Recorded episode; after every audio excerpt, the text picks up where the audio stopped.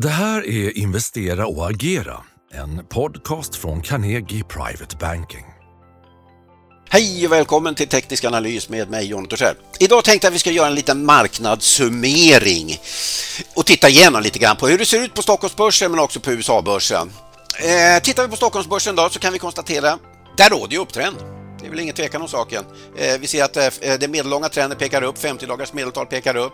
Vi ser att 200 dagars medeltal pekar upp. Vi ser här borta då hur den toppade då den långa cykeln 200 eh, dagars medeltal, sen vänder den ner och sen har vi börjat sett nu en vändning uppåt här nu så att den långa cykeln den pekar just nu uppåt. Eh, den medellånga trenden pekar uppåt men i den uppåtgående trenden så har vi just eh, så har vi ett, ett motståndsområde här vid 2300. Passerar 2300 området, ja men då möter nästa motstånd här uppe där någonstans då. För att det här ska bli lite negativt eh, och börja se svagt ut, ja men då måste vi ner under 50 dagars medeltal och bryta den här uppåtgående trendlinjen och de här kortsiktiga bottnarna här. Först då börjar börjar vi få någonting som är lite mer negativt. Går vi sen över och tittar på eh, den breda marknaden, breda Stockholmsbörsen då, det vill säga OMXPI, så ser vi här att jag menar, eh, visst, vi har någon typ av tendens till upptrend. Vi ser här, eh, här borta gick ju 50 dagars igenom 200 dagars. Eh, 200 dagars pekar svagt uppåt. Här ser vi den här sy långa cykeln. Eh, Den vill uppåt lite grann nu. Och sen då 50 dagars här nu, har varit uppe, vänt ner, pekar lite grann uppåt. Men det är ingen riktig styrka i det här. Vi har ju någon typ av eh, av ganska tydlig konsolidering här emellan som vi kan se. Så att eh, vi måste få, börja få tydligt genombrott på uppsidan för att det här ska börja, börja bli lite, ja, börja se starkt ut helt enkelt. Skulle det här vända ner under 50 dagars och börja röra sig ner mot 200 dagars, ja men då har vi fortsatt konsolidering. Och nästa viktiga säljsignal, ja men det är ju egentligen om den här Eh, den här botten här punkteras, eh, marsbotten, skulle den punkteras, ja men då är vi inne i någon typ av nedtrendsfas. Så att det, vi befinner oss just nu i en väldigt, väldigt viktig fas just nu. Då. Går vi sen över och tittar på midcap-bolagen på Stockholmsbörsen så ser det ut så här. De ser ju ännu svagare ut som vi kan se. Eh, här kan vi konstatera då att här ser vi då den långa trenden 200 dagars. Här gick vi igenom eh, 200-dagars, Här gick 50 dagars ner under 200 dagars och 200 dagars pekar ner här. Men vi ser än så länge här, den pekar fortfarande neråt. Så den långa trenden pekar fortfarande neråt. Den medellånga trenden har vi haft upptrend här och sen har den vänt ner lite grann. Så nu får vi se här nu vad som kommer att hända. Eh, och i den så ser vi här nu att ja, det ser ju inte jättestarkt ut. Eh, vi måste börja få leverans. Vi måste ta ut den här toppen. Den senaste toppen här. Då får vi en, en sekvens med en, med en uppgång, en högre botten än den här botten och sen en högre topp. Och skulle du göra det så så har vi nästa motståndsområde här. Och det blir ju naturligtvis den absolut viktigaste nivån. Varför? Jag menar, skulle den, den nivån så småningom punkteras, ja men då får vi en köpsignal, en gigantisk eh, inverterad huvudskuldaformation och då går vi in i nästa bull market-fas. Och det här tror jag kommer att ske. Jag tror att vi ska in i en bull market-fas i år. Jag är egentligen ganska positiv på helåret, men jag har ju räknat med att vi ska göra en viktig botten eh, under den svaga sexmånadersperioden. och det har inte skett ännu. Så att vi får se här nu vad, vad som kommer att ske här nu. Eh, om det här kommer att bryta igenom åt något håll eller om det här ska fortsätta dra ut på tiden nu under den här svaga sexmånadersperioden som vi befinner oss i. Vi vet ju att juni är ofta en svag månad, augusti, september är den svagaste månaden så att Ja.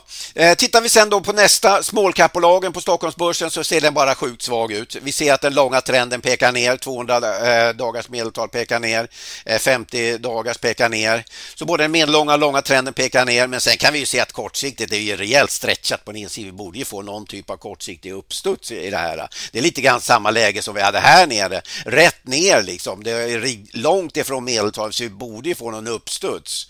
Det är väl det mest troliga i alla fall. Men sen ser den långa trenden svag ut. Nu får vi se om 50 dagar ska gå igenom 200 dagar så här också då och effektera någon typ av säljsignal. Går vi sen över och tittar på eh, USA-börsen så kan vi konstatera, så vet vi där, det, det är Nasdaq som leder det här. Det är väl ingen tvekan om den saken. Här är eh, den långa trenden, 200 dagars, eh, har gått upp eh, över lite grann, är just nu ganska flat, men vi ser att den medellånga trenden den är ju starkt stigande. Så det här är ju, det här är ju, vi befinner oss i en bull market i, på, på Nasdaq. Det är ju ingen tvekan om den saken. Här borta, när vi fick den här uppgången här, här fick vi, kickade den här så kallade 78 regeln in. Det vill säga vi gjorde en högre topp och då ska det då med 78% sannolikhet, om vi gör en högre topp, också notera en högre botten. Och gör vi en högre botten, ja men då ska vi med 78% sannolikhet notera en ny högre topp också. Vilket vi har fått. Eh, här fick vi en köpsignal ur en, ur en eh, cup and handle formation och sen har bara levererat. Efter den här köpsignalen här så har vi haft ett prisobjektiv för Nasdaq hit upp då, som ett försiktigt prisobjektiv och det mest positiva prisobjektivet är ju hit upp. Så nu får vi se om det kommer, eh, vad det här kan leverera. Det är naturligtvis stretchat på kort sikt. Vi borde få någon typ av rekyl, lite svagare utveckling så småningom här. Eh, så är väl det, eh, där, där, har vi då som sagt en, en, en, star, en eh, bull market-fas just nu. Men vi kan ju konstatera att det är ju en, en väldigt fragil bull market-fas som vi har. Varför då? Jo, därför att tittar vi på den här bilden här så ser vi ju Nasdaq här uppe eh, och här nere så ser vi advanced decline. Det vill säga, ehm, det är en indikator som tittar då på hur många aktier som stiger varje dag och sen minskar man det med antalet aktier som faller varje dag i Nasdaq. Eh, och sen får man då den här kumulativa kurvan. Ta den, eh, gör det här varje dag. Och Det här är en kurva som normalt eller en indikator som normalt sett ska följa börsutvecklingen. Eh, så går börsen upp och noterar högre bottnar och toppar, ja, men då, då ska den här göra det också. Och går börsen ner och noterar stegvis lägre toppar och bottnar, ja, men då ska den här kurvan följa efter vanligtvis. Eh, när den inte gör det, ja, men då brukar det vara en indikation på, en, eh, på någon typ av underliggande svaghet. Som vi till exempel hade vid den här toppen här borta. Då. Ganska tydlig negativ divergens då, jämfört med den här. Och Det är precis det vi ser just nu också. Under den här rörelsen upp här, här var det ganska många aktier som, som var med. Det var ett ganska bra drag. Eh, men titta på, sen fick vi en rekyl ner här ner så här och sen tog Nasdaq fart upp på uppsidan igen. Rejäl fart. Men vad hände? Titta. Det är ett fåtal. Det var bara ett fåtal, det är en handfull drygt bolag som, som, som har eh, gjort att, det här, att vi har fått den här starka uppgången. Resten av bolagen har ju varit väldigt svaga som vi kan se här. Då. Så det här har ju varit en svaghet. Men det här är lite intressant. Nu har det börjat under de senaste dagarna kan man säga, så har, som jag skrivit om i shortterm också, så har vi börjat fått lite, lite styrkesignaler i även andra index. Till exempel S&P som ju har brutit upp över 4200 och effektuerat en, en köpsignal. Där vet vi då att den långa trenden den är ja, uppåt, svagt uppåtriktad, det är sidlänges här, men den medellånga trenden pekar ganska starkt uppåt. Vi har brutit igenom 4200. Nästa motstånd möter vi den här toppen och passeras den så är ju, möter ju nästa här uppe då är ungefär 4600. Då. För att det här ska börja bli negativt, jag menar det måste till ganska mycket på nedsidan då för att det här ska börja bryta igenom 50 dagar så de här bottnarna och så vidare. Då. Så här har vi en eh, bull market-fas just nu. Går vi sen vidare och tittar på, på Dow Jones som jag visade i short term. Där har vi också fått en köpsignal. Eh, efter de här eh, köpsignalerna som vi fick här borta i mars här fick vi en ganska tydlig köpsignal. Eh, när det dag, dag fem tror jag det var, vi ska se, eh, en, två, tre, nej dag fyra. Här fick vi köpsignalen efter den botten. Eh, och sen fick vi ytterligare en köpsignal här. Då. Eh, och efter de signalerna sen så fick vi en ganska stark rally på uppsidan. Men titta på vad som hände då i den uppgången här. Jag, jag pratar ju om det ganska tydligt då. Här fick vi ganska många negativa staplar. Vi ser de här röda pilarna här som motsvarar distributionsdagar som visar då att elefanterna framförallt agerar på säljsidan. Ungefär då som vi gjorde här borta.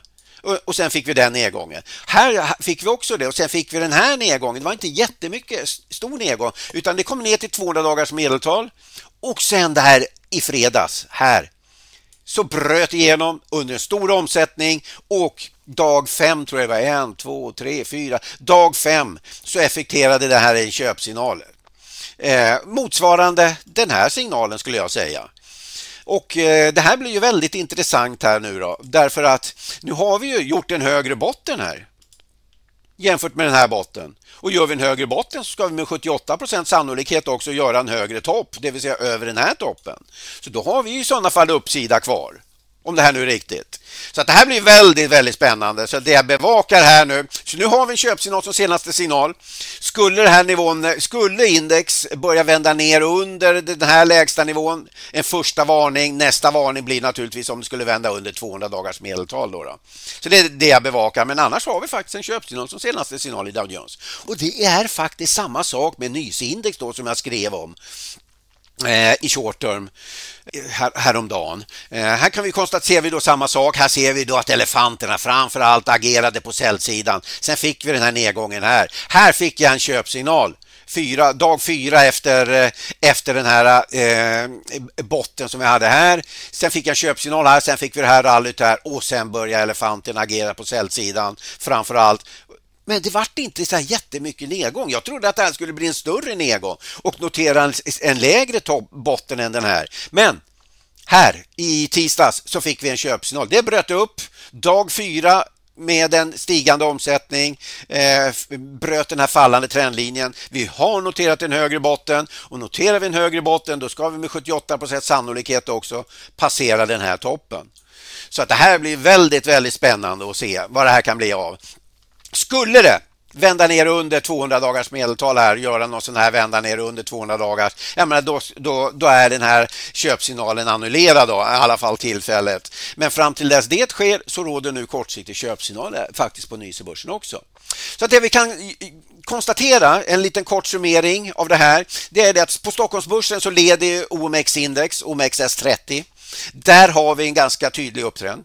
Men i den här upptrenden så har vi ett motstånd vid 2300 nivå. Passeras det här motståndet så har vi nästa motstånd då vid 2400 området någonstans. Det vill säga de topparna som träffades då före eh, eh, kriget i Ukraina. Men det jag vill se nu på Stockholmsbörsen, det jag bevakar här nu, det är, jag vill naturligtvis se tydliga utbrott på uppsidan även för den breda marknaden. Men också då naturligtvis midcap-bolagen som ju har ju varit ganska svaga. Så det är väl det jag bevakar just nu på Stockholmsbörsen. Eh, titta på USA-börsen så kan vi konstatera här nu att den här smala uppgången då i en handfull AI-bolag på USA-börsen börjar nu följas av köpsignaler även i eh, S&P 500, eh, Dow Jones Industrials men också då Nysebörsen, vilket är intressant. Så det är lite spännande. Men frågan man ställer sig det är ju naturligtvis hur de här köpsignalerna, kommer de att leverera nu? när vi nu befinner oss i den här svaga sex månadersperioden. Juni eh, den andra halvan av juni är normalt sett en svag månad. Sen går vi ju då mot, ja, sen augusti, september brukar vara svaga månader. Ska de här köpsignalerna verkligen lever kunna leverera?